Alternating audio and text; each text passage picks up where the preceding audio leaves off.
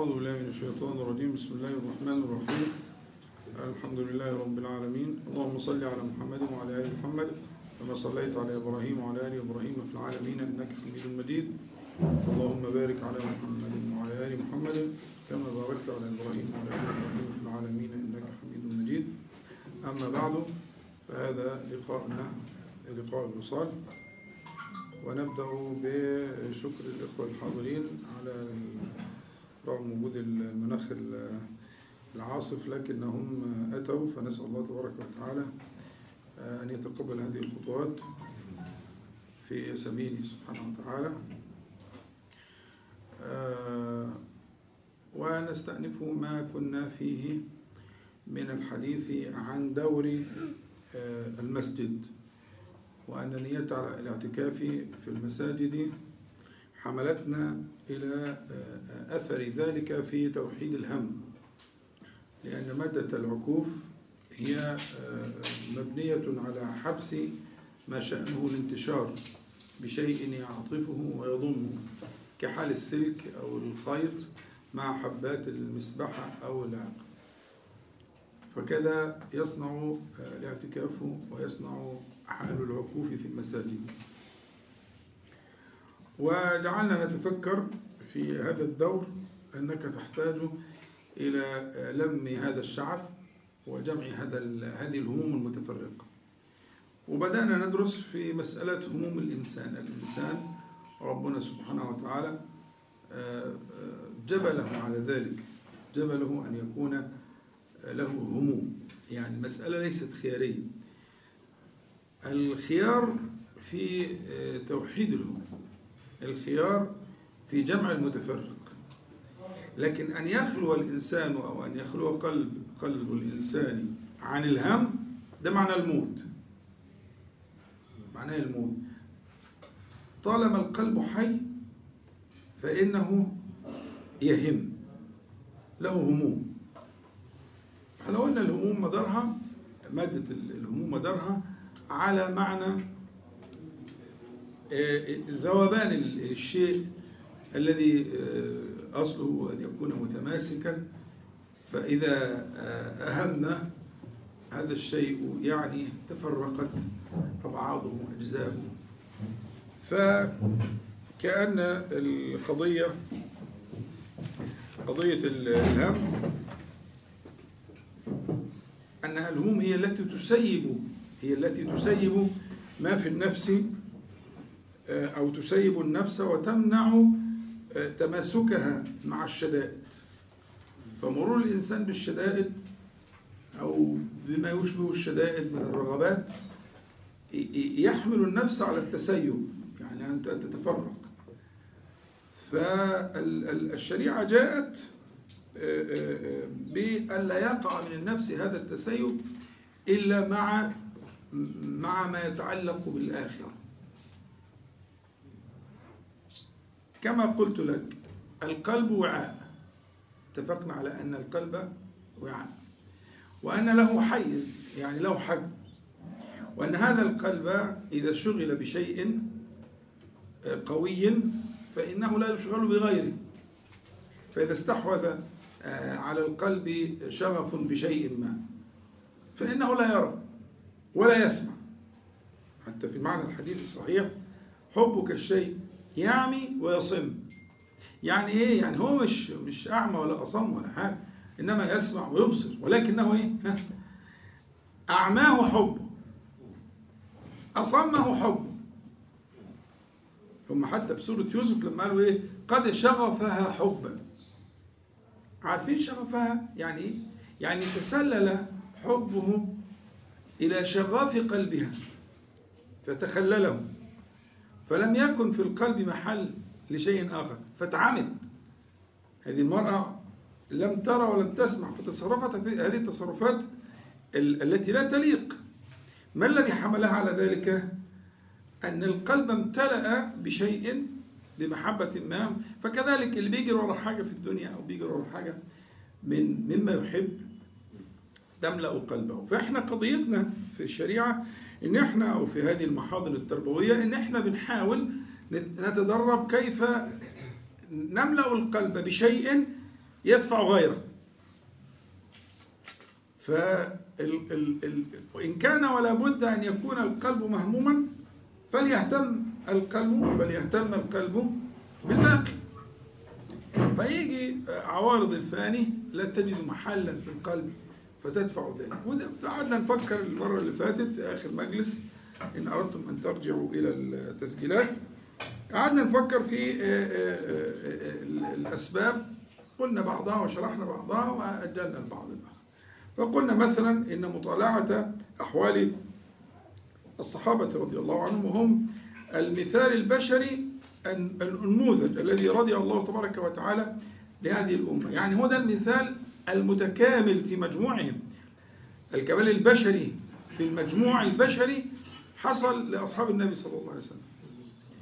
فمن أراد أن يرى وأن يتعلم وأن يدرس كيف حصل توحيد الهم في الآخرة فلينظر في أحوال أصحاب النبي صلى الله عليه وسلم. هم دول البيان الإيه؟ العملي المبين لكيفية فنطالع ذلك وإن شاء الله كما وعدتكم هنجعل مسلسل لهذا الحديث لأهميته القصوى فنرى آه، توحيد هموم في مجموعهم ونرى توحيد هموم في أفرادهم. كيف كان أبو بكر وكيف كان عمر إلى آخره كيف توحدت هموم وكانوا كسائر الناس. كان عندهم دنيا وعندهم أولاد وعندهم أموال وعندهم كذا. فماذا صنعوا بذلك؟ وكيف توحدت همومهم؟ ده كان المعامل الأول وإحنا إن شاء الله نرتبه ترتيبا آه، يليق بمقامه إن شاء الله تعالى. وأن كذلك مما ذكرناه في المرة الماضية تعظيم قدر الصلاة.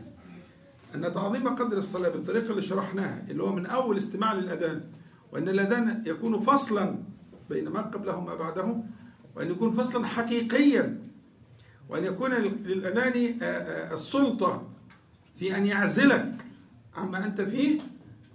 هذا من أهم أسباب إشغال القلب بهم الآخرة مهما كانت الفلسفات والضرورات الحاجات دي آه، مآلها معروف. الضرورة أمر عارض لكن أن يكون الأصل يكون الأصل عندك أن الأذان هو في الحقيقة إعلان بالأكبرية وفصل بين ما قبله وما بعده وتعظيم شأن الصلاة كما شرحنا بالتفصيل ارجعوا له. من أول الأذان مرورا بكل اللي ذكرناه من التوضؤ والتخلي وحضور القلب والمشي المسجد والسنة القبل كل ذلك وثم أركان الصلاة كما ذكرنا قبل ذلك. فتعظيم قدر الصلاة من أهم السبل والأسباب الموصلة إلى توحيد الهم في الآخرة. توحيد الهم أن تجعل الهموم المتفرقة هما واحدا. كيف أصنع ذلك؟ أولا قلت لك انظر في حال الصحابة. تعلم. تأسى. اقتدي. أنا عايز همة الشباب المسلم الصالح المنور الجميل ده. يبتدوا يعني واحد يعني مثلا آه، آه، آه، نشوف همة سلمان مثلا. يعني همة سلمان الفارسي دي قصة من أعجب ما يكون هذا الرجل. الراجل ده قاعد يبحث عن الحق سنين. وكان أبوه دهقان من يعني يعني شيخ الشيخ بندر التجار كما يقولون يعني. وكان عايش في عيشة في منتهى السعة والبتاع وجعل يبحث من عن الحق هنا وهناك ويذهب إلى النصارى والأحبار حتى سمع بالنبي صلى الله عليه وسلم حتى وصل إلى يعني أنا أقصد أقول إنك أنت بمطالعة همم هؤلاء وسيرهم إن شاء الله يتعلق قلبك بمجموعهم ويتعلق قلبك ببعضهم. تجد في توافق بينك وبين همة مثلا سلمان أو همة آه، ابن مسعود مثلا أو إلى آخره. رضي الله عن أصحاب النبي صلى الله عليه وسلم. المسألة الثانية مسألة تعظيم قدر الصلاة. وقلت لك ارجع لما قلناه فهو آه، آه، البيان العملي لمسألة تعظيم قدر الصلاة. المسألة الثالثة ذكرناها فيما ذكرناها. قلت لك ساعة الصلاة على النبي صلى الله عليه وسلم.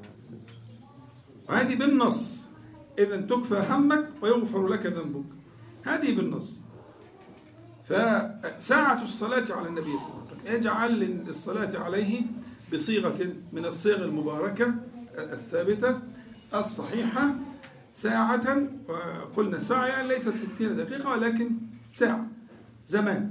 شريف لا آه، يعتدى عليه ولا يتجاوز آه، ساعة هي ساعة الصلاة على النبي صلى الله عليه وسلم. وسترى وسترى عجبا والله سترى عجبا في تلك الساعة ببركة تلك الساعة من انشراح الصدر وتوحد الهم. وذهاب هموم الدنيا ده, ده وعد لا يخلف يا اخوانا وعد لا يخلف.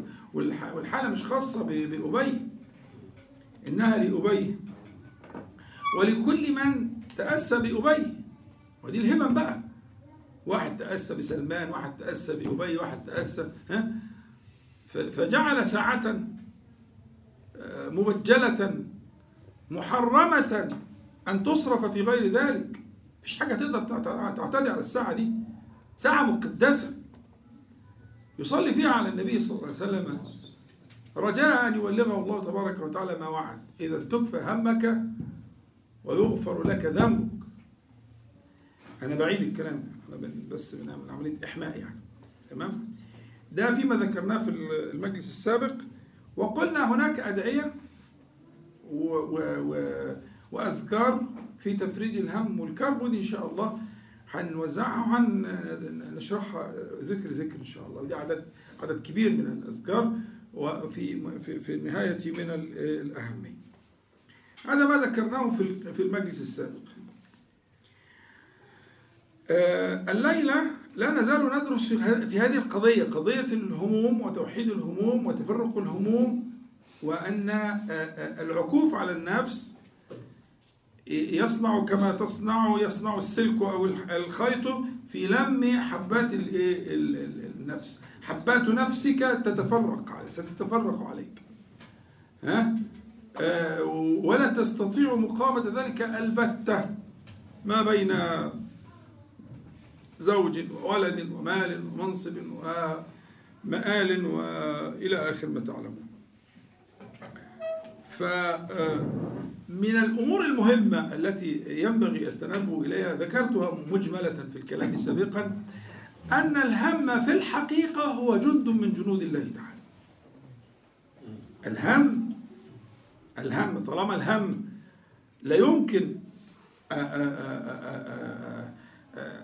أن يخلو المرء عن هم وسيأتي مزيد من من البيان إن شاء الله للمعنى ده فإنه اعلم أنه جند من جند الله تعالى وجنود الله تبارك وتعالى لا يعلمها إلا هو وما يعلم جنود ربك إلا هو ومن جنود الله تعالى كما تعلمون جنود الخوف الرعب مثلا كما قال النبي صلى الله عليه وسلم نصرت بالرعب مسيرة شهر.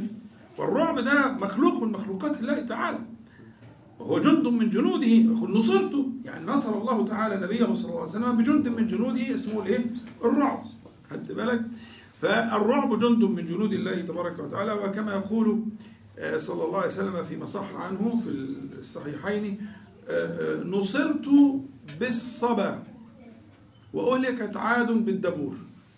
الصبا دي ريح والدبور دي ريح يعني رياح معروفة محفوظة عند العرب. وهي ريح آه، آه، شرقية تأتي من جهة المشرق يعني فيقول نصرت بالصبا. وربما قال بعض العلماء دي الريح التي جاءت في يوم الإيه؟ الأحزاب. وقيل غير ذلك لكنها النص الصحيح اللي في الصحيحين نصرت بالصبا. الريح التي تعلمون اسمها الصبا التي تأتي من جهة المشرق. وأهلكت عاد بالدبور. يعني هي نفس الريح. يعني ريح تنصر وريح تهلك. ها؟ جنود الله تعالى. ولا إيه؟ تمام؟ الرعب الريح إلى آخره. أنا أقول لك الآن إن الهم جند من جنود الله تعالى. طالما هو لا يخلع عنه المرء. والقلب الذي خلع عن الهم قلب قلب قد رحل عن الدنيا مات. طول ما انت حي لابد من هم وسيأتي إن شاء الله مزيد بين القضية دي. يبقى أقول لك صلوا على حضرة النبي صلى الله عليه وسلم. أقول لك اعلم أيها السالك إلى الله تعالى أنه ما ضيق ربك سبحانه وتعالى عليك من باب إلا ليدفعك إلى باب غيره أنا عايز تعيرون انتباهكم قليلا لدقة المعنى. والله ما ضيق عليك من باب إلا ليدفعك إلى باب غيره. باب يريده لك. باب يريده لك. فيه صلاح دنياك وآخرتك. اعلم أنه ما ضيق عليك من باب إلا ليدفعك إلى باب آخر.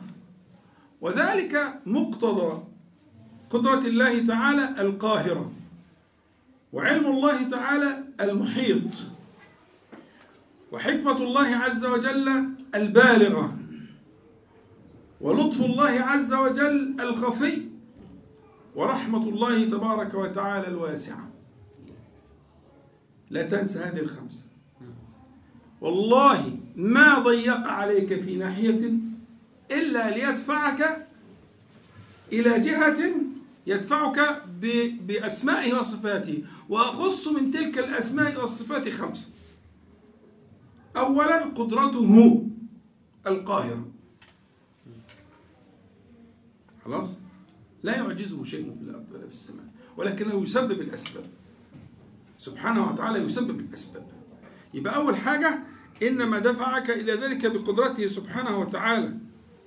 ثم بعلمه المحيط. أحاط بكل شيء علما سبحانه وتعالى فلا يخفى عليه شيء لا في الظاهر ولا في الباطن ولا في الآجل ولا في العاجل لا في المستقبل ولا في الماضي. كل شيء ينكشف لله عز وجل على السواء. فبعلمه المحيط يبقى أولا بقدرته القاهرة ثانيا بعلمه المحيط ثالثا بحكمته البالغة. حكمة بالغة فما تغني النور؟ حكمة الله تبارك وتعالى فما في فما من شيء إلا هو في موضعه. كل شيء في موضعه. يعني أنت أبوك هو أبوك. وابنك هو ابنك. مفيش أجمل ولا أحلى ولا أنسب ولا ألطف ولا أرأف ولا أرحم من كده. ما تبصش لأبي غيرك ولا لولد غيرك. لأن ده بالإيه؟ بالحكمة البالغة. الحكمة معناها كده. الحكمة إن معناها كل حاجة في مكانها. زمانا ومكانا وأعيانا. كل شيء. بس أنت اللي مش عايز تفهم. أنت اللي ما بتقفش بين يدي الله تعالى وتسأله أن يفهمك. وأن يأخذ بيديك بيديه بيديك إليه سبحانه وتعالى أخذا لطيفا أخذ الكرام عليه يبقى قدرة قاهرة وعلم محيط وحكمة بالغة. وبعدين اللطف بالخفي. إنما ينفذ أقداره بألطاف خفية واخد بالك؟ وعايز ترد إلى المعنى الجميل اذهب إلى قصة يوسف عليه السلام. ألطاف من أولها إلى آخره ولذلك هو قال كده في الآخر. وقد أحسن بي إذ أخرجني من السجن وجاء بكم من البدو من بعد أن نزغ الشيطان بيني وبين إخوتي إن ربي لطيف لما يشاء. فعال لما يريد لطيف في فعله لأن لطيفة ما تتعداش باللام يبقى تقديرها فعال لما يريد. دي الأولانية. القدرة القاهرة. ما قدره حصل. ولكن فعل ذلك بإيه؟ بلطف خفي لطف خفي. ويوسف في في كل الأحوال ويعقوب في كل الأحوال عليهما السلام كانوا مع الرضا والتسليم والصبر بما قدر الله تعالى لأن هم دول الأنبياء هم دول القدوة في هذا الباب.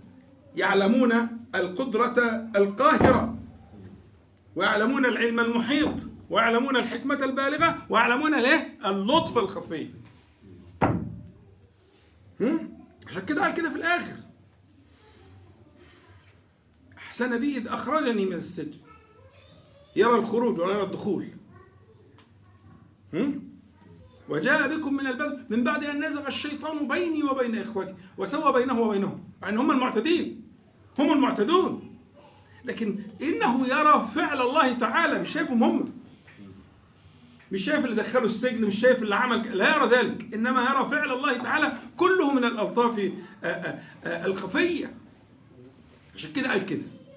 إنه إن ربي لطيف لما يشاء. خدت بالك؟ يبقى أنت إذا رأيته ضيق عليك من جهة اعلم اعلم وتفقه عن الله افقه عن الله تعالى. إنه يدفعك إلى شيء آخر. يدفعك بهذه الأربعة وخامستها الرحمة الواسعة. ربنا وسعت كل شيء رحمة وعلما. خدت بالك؟ دول الملائكة بقى العارفون بالله تعالى. ربنا وسعت كل شيء. فهنا الرحمة التي وسعت كل شيء. فأنت لما ترى من الله سبحانه وتعالى ذلك إياك ثم إياك أيها السالك إلى الله تعالى أن تستوحش. الاستحاش يا أخوانا نوع من الجهل أو هو ثمرة من ثمار الجهل بأسماء الله تعالى وصفاته. الذين يستوحشون إنما يجهلون ربهم. كيف تحب ربا لا تعرفه؟ والله يعني أمر بعيد. لن تحبه الحب اللائق به إلا إذا تعرفت عليه بأسمائه وصفاته. ورأيت ذلك في أفعاله جل جلاله. فرأيت قدرته القاهرة. ورأيت علمه المحيط. ورأيت حكمته البالغة. ورأيت لطفه الخفي. ورأيت رحمته الواسعة. هتسكن هتسكن فهو الذي يصرف لك شأنك شأنك كله من هو؟ المتصف بذلك. المتصف بالكمال كله. المنزه عن النقص كله. عن العيب كله جل جلاله. يبقى إذا ينبغي أن تتذكر أيها السالك إلى الله تبارك وتعالى أنه ما ضيق عليك من جهة إلا ليدفعك إلى باب ضيق من باب ليدفعك إلى باب. خدت بالك؟ وكل ذلك بتلك الإيه القواعد النورانية في الأسماء والصفات. ربنا سبحانه وتعالى يعني ما ضيق عليك من قلة. حاشاه. حاشاه. عشان كده عشان كده في الحديث القدسي الصحيح عشان برضو ينفي عنك هذه الشبهة يقول لو أن أولكم وآخركم وإنسكم وجنكم دول كام تريليون ولا كام كام؟ الله أعلم. مش كده؟ أولكم وآخركم من أول البشرية لغاية القيامة. وإنسكم وجنكم. كله كله مش مش كل المكلفين إنس وجن. قاموا في صعيد واحد في لحظة واحدة فسألوني نفسك في إيه؟ هات آخر. فجاء كل واحد بآخر ما يرجو ويتمنى. فسألوني فأعطيت كل واحد مسألته من أولكم وآخركم وإنسكم وجنكم. ها خلاص؟ ما نقص ذلك من ملكي إلا ما كما ينقص المخيط إذا أدخل البحر. هات إبرة وروح على المحيط ودخلها وطلعها. اللي طلعته الإبرة من المحيط هو ما أخذه أولكم وآخركم وإنسكم وجنكم. بلاش بلاش جهل بالله تعالى. والله ما منعك من قلة حاشاه ده اللي انت عايزه ده ولا حاجة. اللي انت عايزه ده أقل من الصفر. اللي انت بترجوه ولا مشغول بيه ولا شغلك في إيد فلان ولا علان. يا حبيبي ده أدنى من الصفر. والله أدنى من الصفر. ما هو الحديث أهو. كله كله كله كما وإذا أدخل المخيط في البحر. شوف هيشيل إيه؟ الإبرة هتشيل إيه من المحيط؟ هو ده. خزائنه ملأ لا تنفذ سبحانه وتعالى. واخد بالك؟ يبقى إذا عليك أن تذاكر ذلك وتذكر نفسك بذكر الله تبارك وتعالى بأسمائه وصفاته. تفقه عن الله عز وجل مراده. الله تعالى يقول ما يفعل الله بعذابكم إن شكرتم وآمنتم. وكان الله شاكرا عليم ما يفعل الله ده استفهام غرض النفي يعني لا يفعل شيئا. إن, إن عذابكم ليس مرادا من مرادات الله تعالى. خلي بالك بعذابكم يعني في الدنيا والآخرة إن عذاب الدنيا أنا أنا بتكلم عن عذاب الدنيا. يعني أنا اللي يهمني في حديثي دلوقتي عذاب الدنيا. الناس اللي عايشة في الدنيا في العذاب في النظر لما في أيدي الناس في الشغل. شحنوا قلوبهم. شحنوا قلوبهم بالهموم. وهم لا يتحملون إنهم أضعف من ذلك بكثير. لكن لما وجدوا اناسا كأصحاب النبي صلى الله عليه وسلم تركوا ذلك لله عز وجل فوضوه له أحسنوا التوكل. كان الله عز وجل له وكيلا وكفى بالله وكيلا. عشان كده حضرة النبي صلى الله عليه وسلم بيقول لو لو أنكم توكلتم على الله حق توكله؟ لرزقكم كما يرزق الطير طب اشمعنى تغدو خماصا وتروح بطرا يعني كل يوم كل يوم تصير إلى خلو البطون ولا خزائن ولا مدخرات ولا شيء. ولكنها متوكلة على الله تبارك وتعالى. وهذا هو سماه النبي صلى الله عليه وسلم حق التوكل. لأن المعاني دي لها ثلاث مراتب. علم وعين وحق. كما في القرآن الكريم علم اليقين وعين اليقين وحق اليقين. العلم زي اللي إحنا بنعمله ده. زي اللي انت بتقراه في الكتب وتسمعه في الدروس ده اسمه علم. إذا تعلمت يعني إيه اليقين ومعنى اليقين كأنك كش رفعت لك الحجب وإلى آخره. ده هذا علم. عين اليقين أن تراه بعينك. كما يقول ربنا سبحانه وتعالى وأزلفت الجنات للمتقين غير بعيد. رأوها لكن ما دخلوها ها؟ هذا ما توعدون. ده الوعد اللي كان بال- بالغيب. ها؟ فما ترونه الآن هو إيه؟ عين اليقين. ترونه بأعينكم. فإذا دخلوها هذا هو الحق. ولذلك إحنا لو هنقسم نفس التقسيم على التوكل هيبقى في علم اللي بندرسه وفي عين إنك تشوفه تشوف بقى توكل الصحابة. رضي الله عنهم.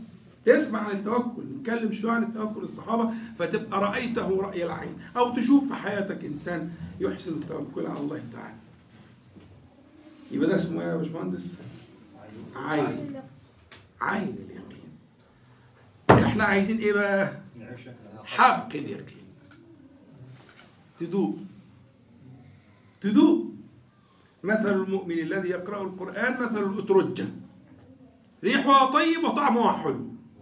حدش فيكم شاف الأترجة خلاص؟ نقعد نوصفه ومش عارف إيه وحاجات زي كده. ده اسمه علم. علم الأترج م?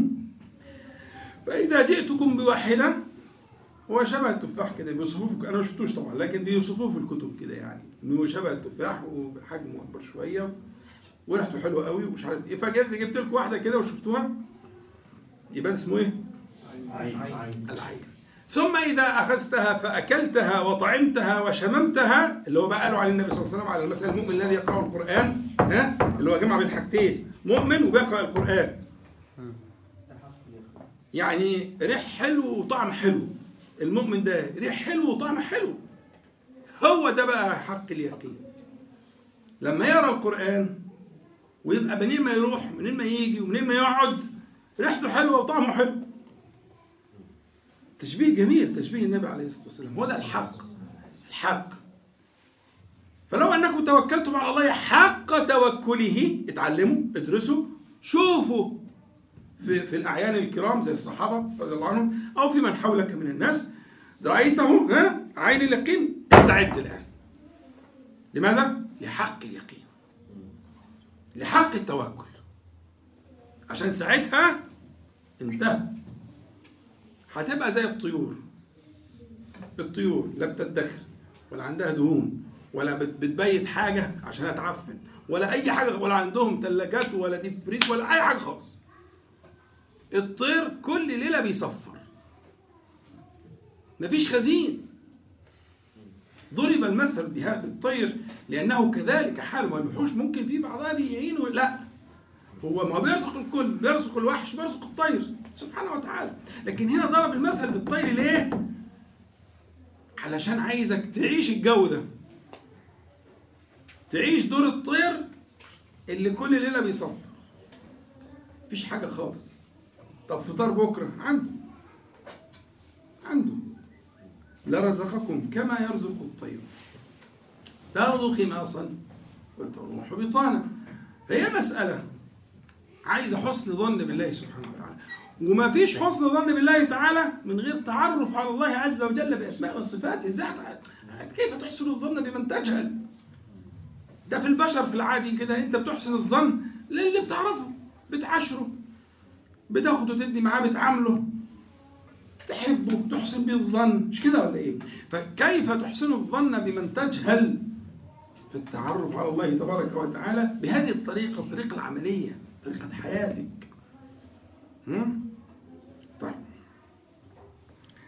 يبقى القاعدة الأولى الهم جند من جند الله تعالى. استقرت عندكم خلاص؟ طيب. مسألة إن ربنا سبحانه وتعالى يمنعك شيئا أو يضيق من باب ليدفعك إلى باب. في حديث جميل قوي في مسند الإمام أحمد. أرجو أن تنتبهوا إليه لأهميته من طريق سيدنا أبي سعيد الخدري رضي الله عنه يرفعه النبي صلى الله عليه وسلم بسند صحيح. يقول النبي عليه الصلاة والسلام إن الله لا يحمي عبده المؤمن من الدنيا وهو يحبه كما تحمون مريضكم من الطعام والشراب. الحديث ده فيه صورة في منتهى الدقة. عايز انتباه. إن الله لا يحمي عبده المؤمن من الدنيا وهو يحبه وهو يحب جملة اعتراضية كما تحمون مريضكم الطعام والشراب أو من الطعام والشراب فاهمين الصورة؟ يعني أنت ابنك الغالي عليك أو أهلك أو أبوك حد بتحبه جدا وتعرض لشيء من من أعراض الدنيا فقال الخبراء من الأطباء يمنع من كذا وكذا وكذا وكذا أشياء كتير. فأنت من محبتك تمنعه صح؟ وربما هو لا يرضى بالذات لو كان كبير السن شوية أو صغير في السن شوية ربما يكون غاضبا عليك. ويراك يعني تؤذيه. ولكنك تمنعه لمحبتك له. تمنعه إيه؟ تمنعه الطعام والشراب. فشوف المثل النبوي العظيم. إن الله عز وجل لا يحمي عبده المؤمن من الدنيا وهو يحبه. الحالة كما تحمون مريضكم. من الطعام والشراب. فمش كل منع ولا كل تضييق هو آية من آيات الإيه؟ الغضب أو السخط. أبدا والله. أحسنوا الظن بالله تعالى. أحسنوا الظن بالله تعالى. فإن ذلك يفتح لكم أبوابا من أبواب الحسن أبواب حسن الظن ستفتح أبوابا من أبواب العبودية. لا تفتح إلا بذلك. يعني إن إن للعبودية أبوابا. إن للعبودية أبوابا. لا تفتح إلا بحسن الظن بالله تعالى. مفتاحها يعني مفتاح العبودية هنا في أسماء وصفات لا لا لا تبلغ عبوديتك فيها إلا بمفتاح. مفتاح ده إيه؟ حسن الظن بالله عز وجل.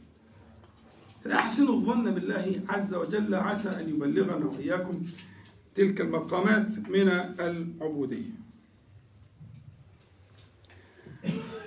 عندنا حديث المعنى الثاني أريد أن أنبه إليه. قلت يعني كذا مرة قلت لحضراتكم أن أنا أرجع للتأكيد عليه على فكرة أن الهم جزء لا يفارق الإنسان حتى يلقى الله تبارك وتعالى حتى يفضي. في حديث في عند الإمام البخاري في كتابه الأدب المفرد. المفرد ده كتاب غير الصحيح. يعني فيه الصحيح وفيه الحسن وفيه الضعيف ضعف خفيف كده. غير كتاب الجامع الصحيح. الجامع الصحيح ده كتاب ليس فيه حديث ضعيف. قبلته الأمة كل كل ما فيه. تمام؟ لكن الإمام البخاري له 20 كتاب. غير الكتاب الجامع الصحيح له كتب كتير. تمام؟ يروي فيها احاديث بس لم يشترط على نفسه ما اشترطه في كتاب الايه؟ الجامع الصحيح. تمام؟ فله كتاب جميل جدا متعلق بالآداب وكده اسمه الأدب المفرد لم يشترط فيه على نفسه أن يورد الأحاديث الصحيحة فقط لكن أورد أحاديث يعني فيها يعني خفة شوية. المعنى حديث مقبول حديث حسن صح. مقبول إن شاء الله. هو موجود في في في في الأدب المفرد. يرفعه النبي صلى الله عليه وسلم. حديث في بعض أجزاء منه مقبولة وفي بعض منه أجزاء يعني لكن المهم الجزء اللي الشاهد اللي عندي أنا يهمني قوي يقول عليه الصلاة والسلام آه، فيما رواه الإمام البخاري في الأدب المفرد بسنده تسموا بأسماء الأنبياء وأحب الأسماء إلى الله عبد الله وعبد الرحمن وأصدقها حارث وهمام وأبغضها أو وأقبحها حرب ومرة. حرب ومرة. حديث يعني هناخد منه اللي يهمنا. يعني ال- ال- الحديث آه، آه، في مسألة تسمية الأبناء يعني والأسماء وكده. تمام؟ فبيقول آه، أحب إلى الله تعالى عبد الله وعبد الرحمن. ماشي؟ مفهوم. وتسموا بأسماء الأمين الجزء ده فيه خلاف في, في, رفع للنبي صلى الله عليه وسلم. لكن من أول أحب الأسماء إلى الله تعالى عبد الله وعبد الرحمن ده سند القول.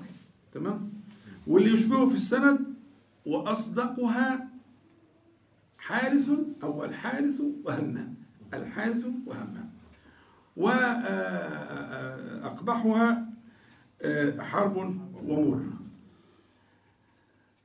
تعال بقى لكلمة حارث وهمام. الحارث اللي هو الكاسب الذي يكسب.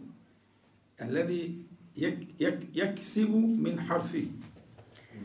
تمام؟ والهمام اللي هو لا ينفك عن شيء يهم به. مظبوط؟ ليه النبي صلى الله عليه وسلم عايزكم بقى تصحصحوا معايا كده؟ صلوا على حضرة النبي صلى الله عليه وسلم. ليه سماها أحبها مفهوم؟ أحبها إلى الله تعالى عبد الله وعبد الرحمن. ده مفهوم صح؟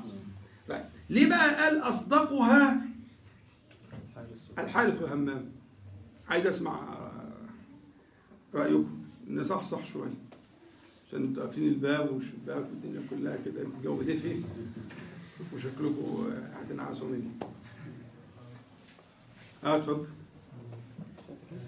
ممكن يبقى خطوة لأن هو آه، عشان هي صفة أو يعني فعل هو هيكون بيه فهيبقى ليه نصيب منه في شخصيته أو كده؟ أصدقها علشان تاني قول تاني. يعني هي صفة أو يعني حاجة هيقوم بيها أو هيعملها فتبقى بيبقى ليه نصيب من اسمه من دوت شخصيته. اسم هو إيه معنى الصدق؟ يلا بقى. قول كده خبط يعني أنا معاك لا. المطابقة للواقع ده الصدق. مطابقة الشيء للواقع صدق. مظبوط؟ تمام؟ المطابقة للواقع. تمام؟ فهي أصدقها لمطابقتها للواقع. لأن الإنسان لا ينفك عن حاجتين دول. أن يكون حارثا وأن يكون هماما. حارث اللي هو الكسب ودي ربنا سبحانه وتعالى ذكرها في القرآن الكريم في مواضع كتير زي مثلا في قوله تعالى من كان يريد حرث الآخرة نزد له في حرثه ومن كان يريد حرث الدنيا نؤتيه منها تمام؟ مظبوط. وبعدين برضو في سورة الواقعة في قوله تعالى أفرأيتم ما تحرثون؟ أأنتم تزرعونه أم نحن الزارعون؟ إذا ففرق بين الحرث فالإنسان حارث حارث يعني يسعى في الكسب يسعى في التحصيل. تمام؟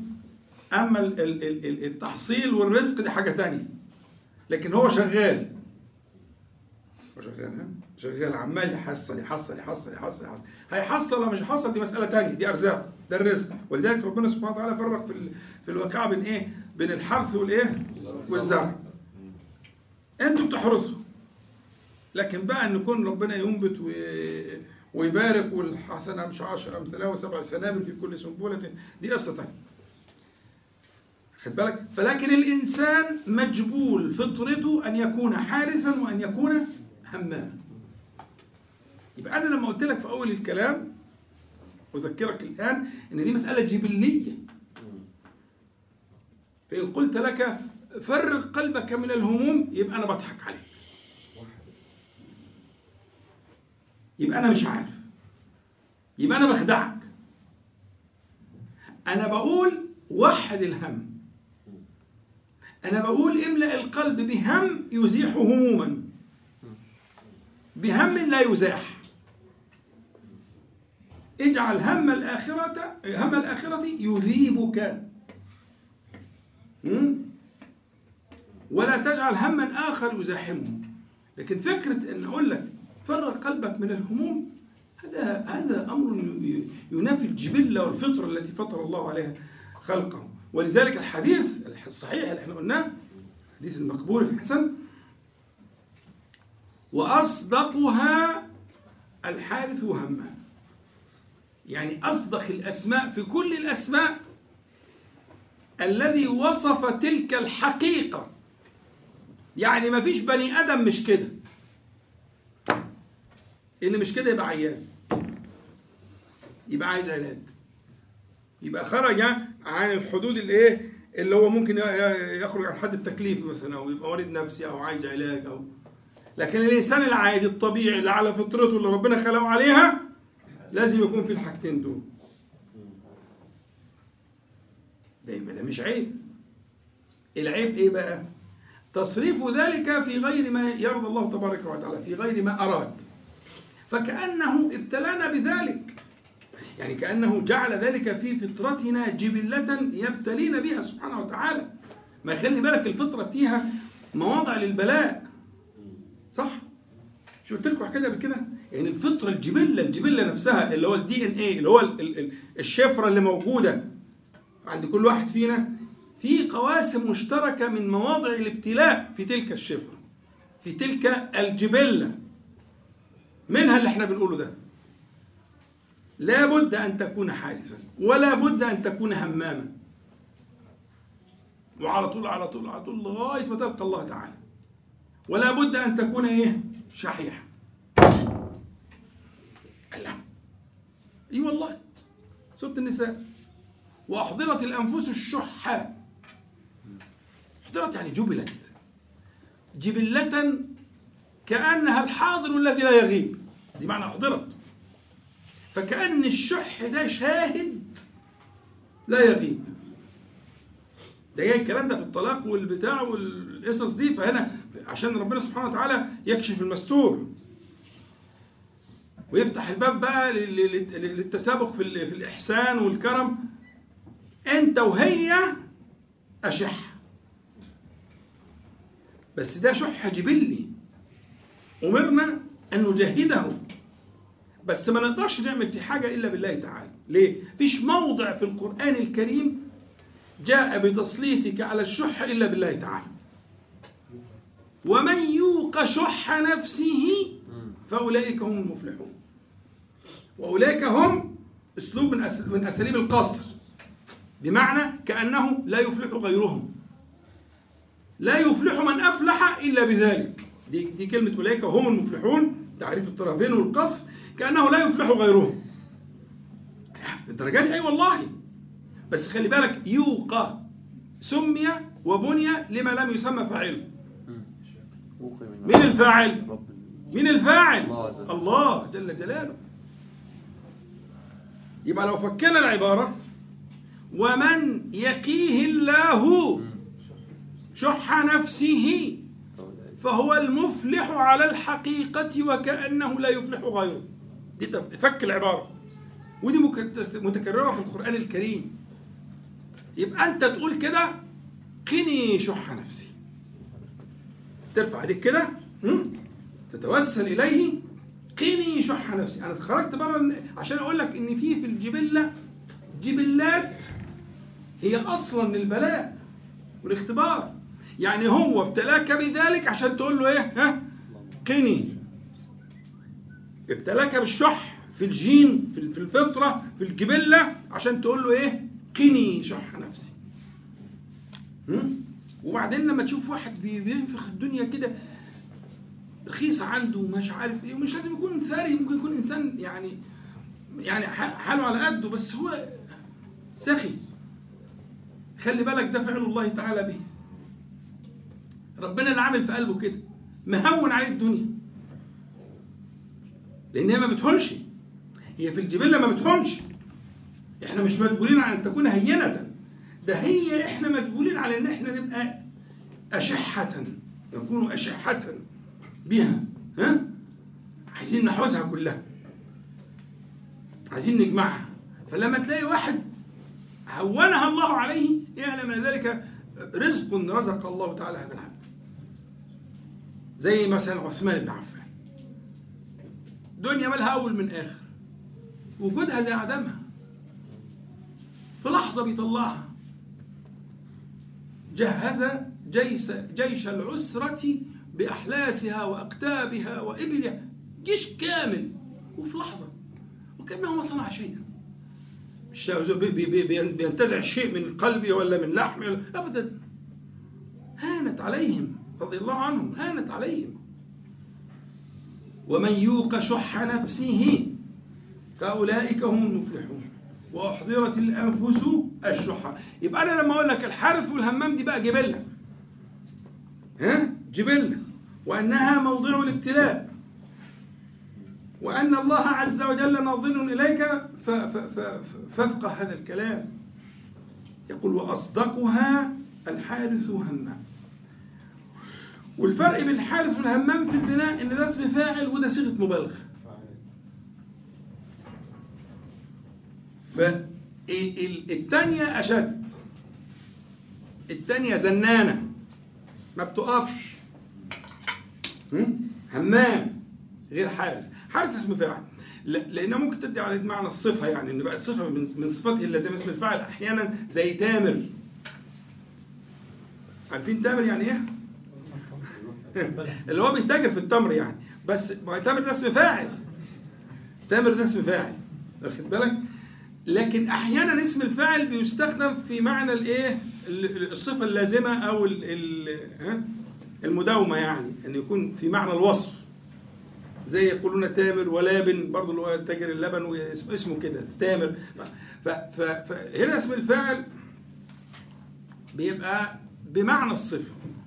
فهنا هيبقى حارس بمعنى الصفة إنها صفة لازمة. لكن هنا بقى في المعنى في الثانية دي مش صفة لازمة وبس لأ. جت بتركيب المبالغة. هي صفة لازمة فيها معنى ها؟ المبالغة. مبالغ هم هم. تلاقيك وانت بتقطعها كده بت- بتمد فيها.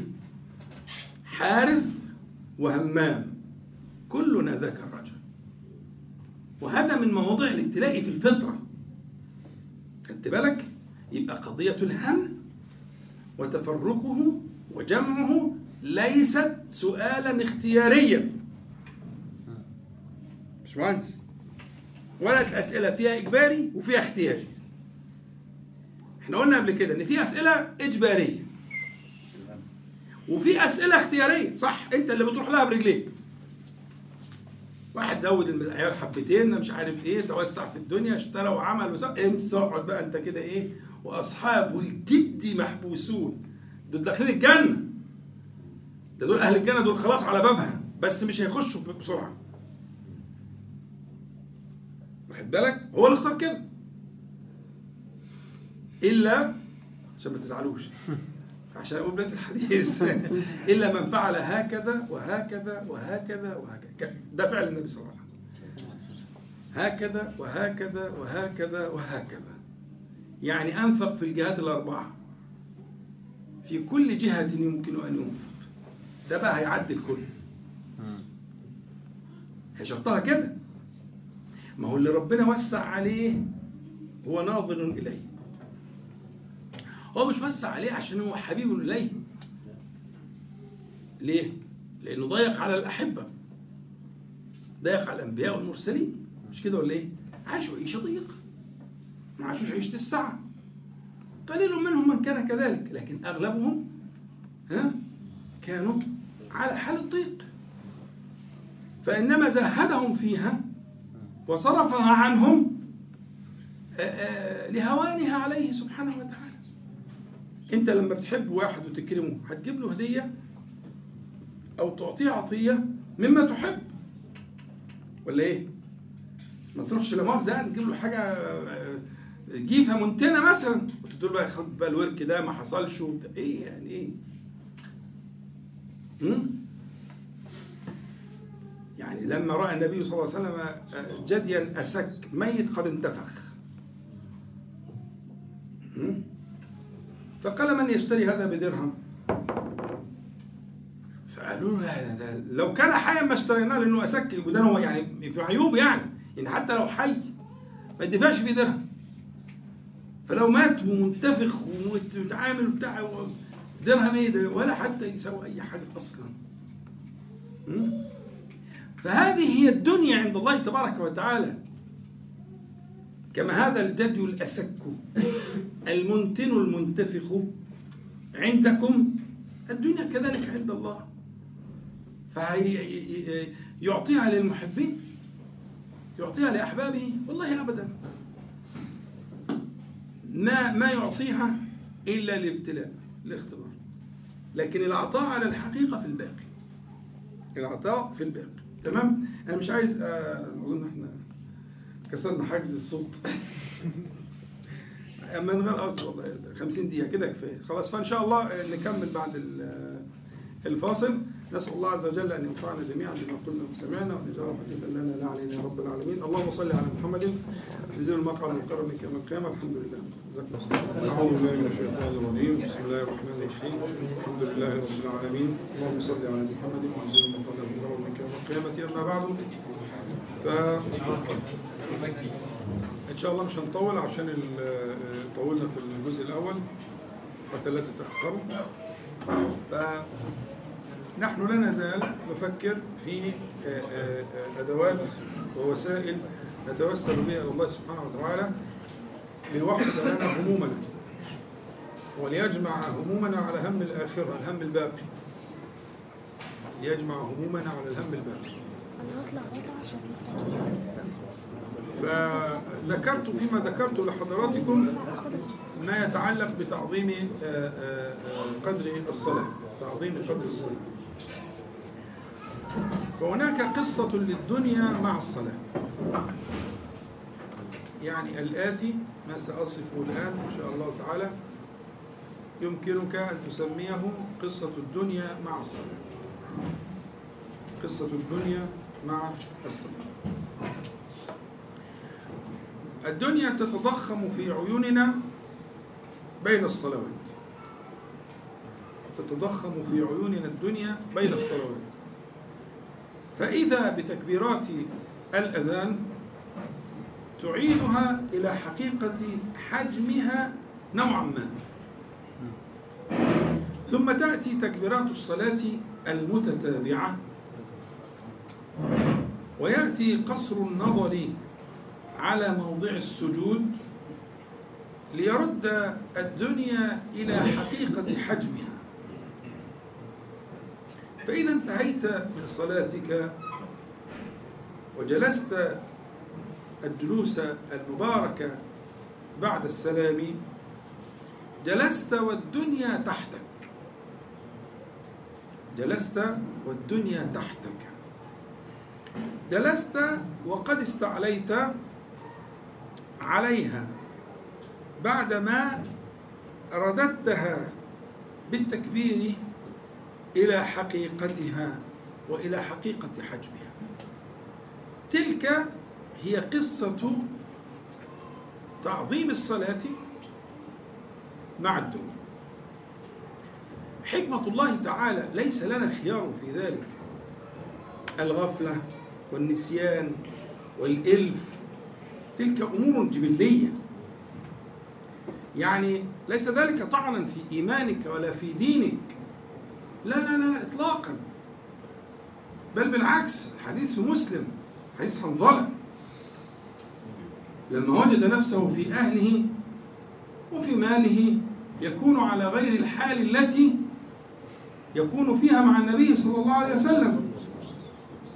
فماذا فعل؟ اتهم نفسه. يبقى هو ده النفاق المذكور في القرآن الكريم. تكون مع النبي صلى الله عليه وسلم بحال وعندك استعداد تبذل كل شيء حتى نفسك وروحك. وبعدين لما تروح في البيزنس وفي وسط العيال تتوب وتنسى. ولا تكون على ذات الحال. ما هو ده النفاق. فذهب إلى أبي بكر. وقال له نافق حنظلة. قال وما ذاك؟ فحكى له. فقال إني مثلك أبو بكر خير الأمة. يكون كذلك. فذهب إلى النبي صلى الله عليه وسلم. وحكى له ما يجد. وقال له نافق حنظلة.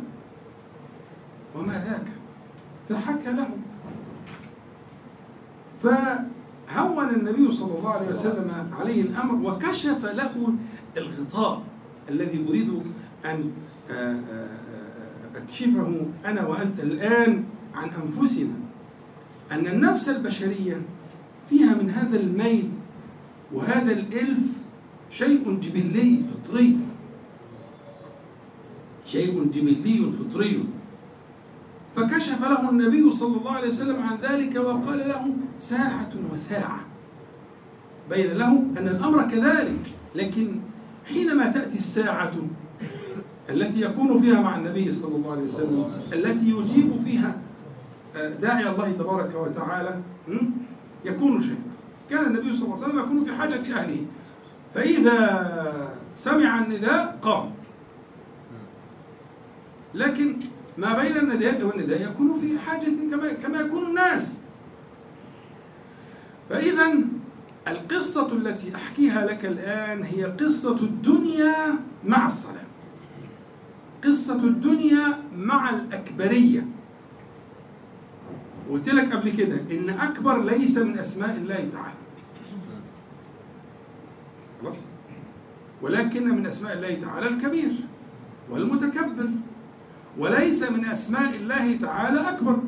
أكبر أفعل تفضيل. فإنما جاء النداء بأكبر وجاءت تكبيرات الدخول في الصلاة والانتقال فيها بأكبر لهذا الغرض. لأن ثم خلي بالك بالجاي ده لأن ثم شيئا ستنسب إليه تلك الأكبرية فالله أكبر. فما يكون في قلبك فالله أكبر. وما يكون في يدك فالله أكبر. وما يكون من مخاوفك فالله أكبر. وما يكون من همومك فالله أكبر. فإنما جاءت الأكبرية لتكون كالسكين القاطع الذي يفصل بين ما قبل الأكبرية وما بعدها. فكل ما بعد الأكبرية فالله أكبر.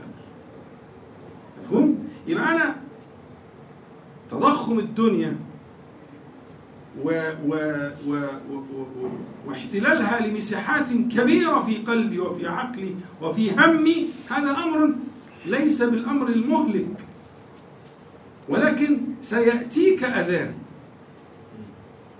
خلي بالك من الكلام ده عشان كده إحنا صلاتنا متوزعة اليوم والليلة وتوزيع إلهي معجز. أنت لما تشوف الأوقات بين الصلوات? والتوزيع اللي على الليل والنهار هو توزيع إلهي معجز. عشان ده متناسب مع أنشطة الإنسان وتشعب هموم الإنسان. وزي ما قلت لك لما كنا بنتكلم من شوية بنتكلم على الظهر والعصر قلت لك الظهر والعصر رباعيات وسننها رباعيات ولو أضفت لها الضحى رباعيات فأنت داخل في عدد ضخم جدا بالمقارنة ببقية اليوم. ها؟ بالمقارنة ببقية اليوم. مع إن ده وقت الشغل وقت الدنيا وقت الصراع. وقت الصراع تأتيك صلاتان متعاقبتان رباعيتان بسنن رباعية وقبلها وقبلها الضحى. أنت بتتكلم في في في كان لابد من هذا هذا الحشد. لابد من هذا الحشد. لأن التيار في الوقت ده جارف. التيار في الوقت ده جارف فتأتيك تكبيرة الإحرام ويأتيك تكبيرات الصلاة. والعجب إن إن تكبيرة الأذان هي تكبيرة الصلاة. هي هي بنفس اللفظ. هي تكبيرة التحريم أو الإحرام. فيكون تحرم ما كان قبلها. اوعى تفتكر ما كان قبلها من الأكل والشرب والكلام والكلام ده. كلام ده كلام عارفينه الأطفال. إنما تحرم ما كان قبلها من شغل القلب. إن تكبيرة الإحرام اسمها إحرام وتحريم لأنها تحرم ما كان قبلها. تجعله غير غير جائز. فك نفسك. أنت بتقول بلسانك الله أكبر. فليكن ذلك حال قلبك. فليكن على الحقيقة الله أكبر. في قلبك قبل أن يكون في جوارحك.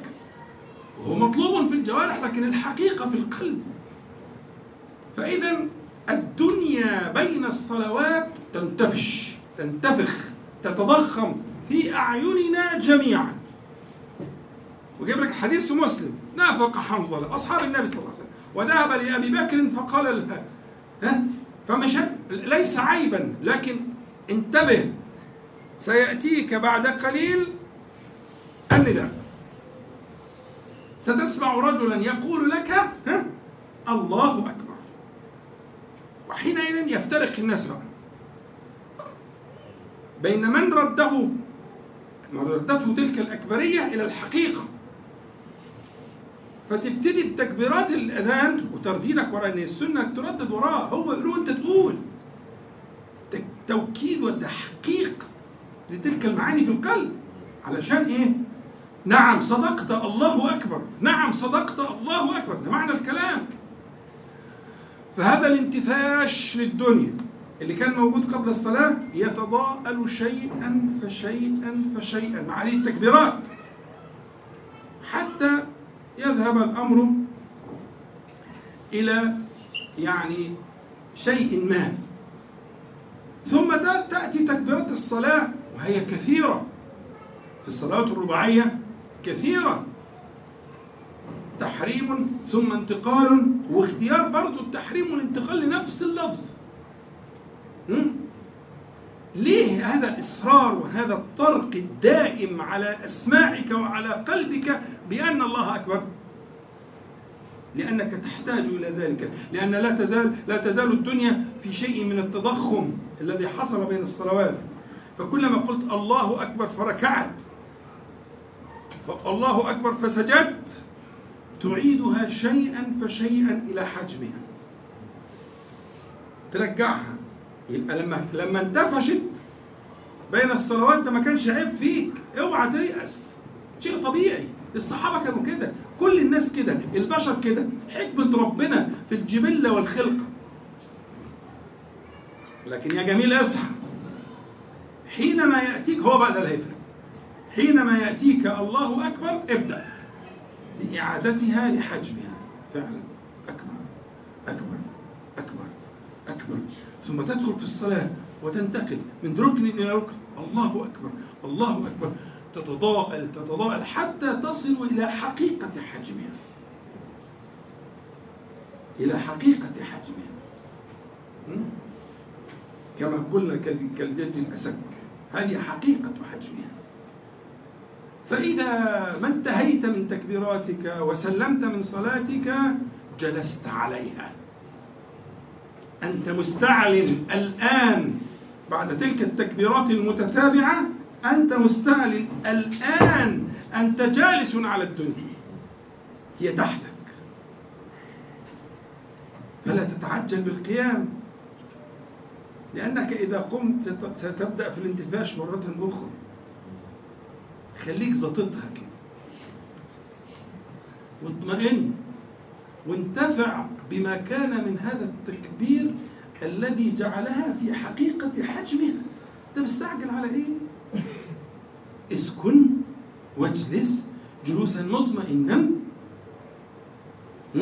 تذكر الله تعالى وأنت مستعل عليها. وقد أعادها الله تعالى بفقه التكبير بفقه الأكبرية. أعادها الله عز وجل إلى حجمها. هي تحتك الآن. وأنت جالس؟ فهذا من أعظم من أعظم كما قلت لك مرارا من أعظم ما يعينك على جمع الهم. ومن أخطر الآفات أنك لا تحسن الاستعداد للصلاة ولا تطمئن بعد التسليم. البلوتين دول من أعظم ما يبتلى به العبد مهما كان. من أعظم ما يبتلى العبد به أن يبتلى. أنه لا يحسن الاستعداد للصلاة بالأكبرية والذكر والطهارة والإقبال والسنات القبليات كل اللي قلناه راجعوا الكلام اللي قلناه كله؟ لا يحسن الاستعداد للصلاة وأنه يتعجل في القيام بعد التسليم. والله إنه لمحروم. إنه لمحروم. مهما كان الثمن إلا في الضرورة. والضرورة تقدر بقدرها الضرورة تبيح المحظور. ولكن تقدر الضرورة بقدرها أما الحال الغالب حالك الغالب يكون كما سمعت. حسن الاستعداد والإجلال والتعظيم ثم السكينة بعد التسليم لأنها الآن تحتك. اذكر ذلك. تكبيراتك جعلتها تحتك. من كثرة ما قلت الله أكبر. في الإحرام وفي الانتقال بعدما قلت في الأذان إن الأمر الآن قد جعلها في حجمها الحقيقي في التراب. يبقى إن هذه التكبيرات في الصلاة مع نظرك في محل سجودك ألا يتفرق لأن تفرق ال- ال- البصر وعين البصر وكذلك تفرق عين القلب فهما عينان والاثنين موجودين في القرآن الكريم الاثنين موجودين في القرآن الكريم عين البصر أمرنا أن نغضها؟ قل للمؤمنين يغضوا من أبصارهم عن إيه؟ المفعول مش مذكور مش مذكور في القرآن صح؟ وقل للمؤمنات يغضضن من أبصارهن عن ماذا؟ مش مذكور صح؟ ولا إيه؟ مظبوط كده؟ طب عايزين نفكر في المفعول ده إحنا مأمورين بكده ومأمورين بحضرة النبي صلى الله عليه وسلم هو الذي بلغنا هذا البلاغ قل أيها النبي المكرم للمؤمنين والأ- وال- والأوامر اللي بتيجي ب- بتوسيط النبي صلى الله عليه وسلم بيبقى لها مكانة خاصة. ورتبة؟ فهنا دلوقتي حاضر وعمال يزق بتاع مش واخد أنا خدت بالي دلوقتي. بس أنا كده فصلت. طيب خلاص هنختصر لأن الحتة دي نأجلها المرة الجاية. فكروني بيها. لأهميتها. ان إحنا دلوقتي عندنا البصر باصره العين وباصره القلب. عندنا الاثنين موجودين في القرآن. وأمرنا في الأولى وفي الثانية. الاثنين. في أمر دي وأمر دي البيان بقى والتفصيل والشرح والآيات لأن آيات كتير. عندنا آيات النور وآيات آه، آه، آه، أواخر طه والحجر. فنبقى نقولهم كلهم مع بعضهم إن شاء الله. عشان طبعا كده إيه لازم نحترم ال- الالتزام بالمواعيد. فهو إن شاء الله نبقى نرجع. لكن في الحقيقة ال- ال- الذي آه، آه، يعني نكتفي عليه الآن هي مسألة أن تعظيم قدر الصلاة بال- بالشكل الذي بيناه وبالطريقة الذي آه، شرحناها من أعظم ما يعينك على جمع همك. على هم الاخره مش بتاعتك. أصل ده مش ملكك. قلبك ليس ملكا لك. ولكن بفعلك ذاك سيجمع همك. ويلم عليك شعثك وما تفرق منك. بالحاجتين دول بحسن الاستعداد من أول التكبيرة النداء واخد بالك؟ وبتكبيرات الصلاة من التحريم وأنت فهمت معنى التحريم دلوقتي؟ ليس المقصود هو التحريم. لا لا ده ده بنقوله للأطفال في المدارس. الأكل والشرب والكلام وال... لا لا لا. كلام إيه وشرب وأكل؟ إيه فيما هو أضر من الأكل والشرب والكلام. والله الذي لا إله إلا هو. آه ممتنع عن الأكل والشرب والكلام في الصلاة بس مش هنا أصلا. غارق في البحار. بحار الفانية. فيبقى التحريم هنا أن يحرم على القلب أن يلتفت لغير الله تعالى. لا يرى إلا الله. بتفوقه يجي يركع يكبر يفوق يجي يرجع يسجد. مع ال مع ال مع النزول مع الهبوط في تكبير. وانت نازل للركوع في تكبير. وانت نازل للهوي للسجود في تكبير. عشان تفوق. فيتحقق تتحقق وكل ما كبرت كل ما الدنيا صغرت. كل ما كبرت وكل ما انكمشت. كل ما انكمشت لغاية على ما تخلص آخر تكبيرك وتسلم وصلت لحجمها الحقيقي. فكانت تحتك. وأنت جالس عليها الآن. اهدى بقى. واسكن. وتدبر. وتفكر فيما تقول. وشوف اختار لك إيه النبي صلى الله عليه وسلم من الأوراد اللي أنا شرحناها. ونعيدها إن شاء الله برضه. من الأوراد اللي كان بيقولها بعد الصلاة كان بيقول إيه؟ وعلاقة ده باللي إحنا بنقوله. علاقة وثيقة جدا. كله هيصب في هذا المعين. لأنك الآن جالس على الدنيا. وبعدين أخرج للدنيا هتنتفش. أوعى تزعل شيء طبيعي. هتنسى وتألف. ده أنت لو ما بتألفش تبقى مصيبة. شيء طبيعي. جبلتي وجبلتك كده. بس خلي بالك في بعدها ها؟ الله يفتح عليك. في بعدها اكبريه جاية. وهذه الدورة. بس خلي مرة خلي بالك كل مرة بيحصل ترقي. كل مرة بيحصل ترقي. لأن ال ال ال هؤلاء العارفون والمربون يقولون حسنات الأبرار سيئات المقربين يعني ما كنت تعده قبل ذلك مما يعني ترجوه تبدي تحاسب نفسك عليه. يترقى بس اللي بيرقيك ربنا سبحانه وتعالى. تترقى بهذه المجاهدة ها؟ هتترقى لكن لا تحزن لأن من هو خير مني ومنك ومن الناس أجمعين؟ أصحاب النبي صلى الله عليه وسلم وجدوا ذلك. وجدوا نعم وجدوه. واشتكوا منه وأساءوا الظن بأنفسهم وأحسنوا الظن بالله تعالى وظنوا أنه النفاق ورجعوا للنبي صلى الله عليه وسلم فدلهم. ها؟ ف ف ف فلا تستوحش. ولكن انتظر انتظر الأكبرية القادمة اللي هتبقى أكبرية إيه؟ الفجر إن شاء الله مش كده؟ ربنا يبلغنا جميعا. أكبرية الفجر انتظر ترقب. تردد أذان الفجر وأنت منتبه ومركز وده يقتضي طبعا إنك تكون صح قبلها بشوية صغيرين يعني مش كتير بس حاجة بسيطة كده تكفي. لما تيسر من 100 آية ولا حاجة قالوا بسرعة كده. الكلام ده كله 10 دقائق ربع ساعة. أنا ما بتكلمش على ساعات. أنت كده كده صاحي إن شاء الله. يعني هتفرق إيه لو صحيت ربع ساعة بدري؟ ربع ساعة 15 دقيقة. ولا حاجة. بس يفرقوا معاك كتير جدا يغيروا مجرى حياتك. خلي الساعة بتاعت الصلاة على النبي صلى الله عليه وسلم في الوقت ده مثلا مثلا يعني. ها؟ يعني عم- عمره بشيء ما. عمره عمره بما يفتح الله عليك. ويجي بقى الأذان تعيش دور الأكبرية ده? ثم تنتقل وبعد كده للصلاة اللي بعدها وهكذا. فهذه خلاصة قصة الدنيا مع الأكبرية مع الصلاة. عرفتوا بقى القصة؟ قصة الدنيا.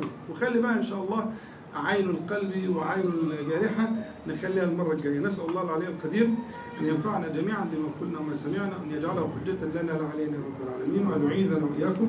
وسائر إخواننا من المسلمين والمسلمات من شرور أنفسنا ومن سيئات أعمالنا. نشكركم جميعا على المجيء في الجو العاصف ده وربنا يجعله في ميزان حسناتكم ويتقبل منا ومنكم اللهم صل على محمد منزل محمد وكرمك يوم الحمد لله رب العالمين. نقول جميعا سبحانك اللهم ربنا وبحمدك. أشهد أن لا إله إلا أنت أستغفرك وأتوب إليك. السلام عليكم.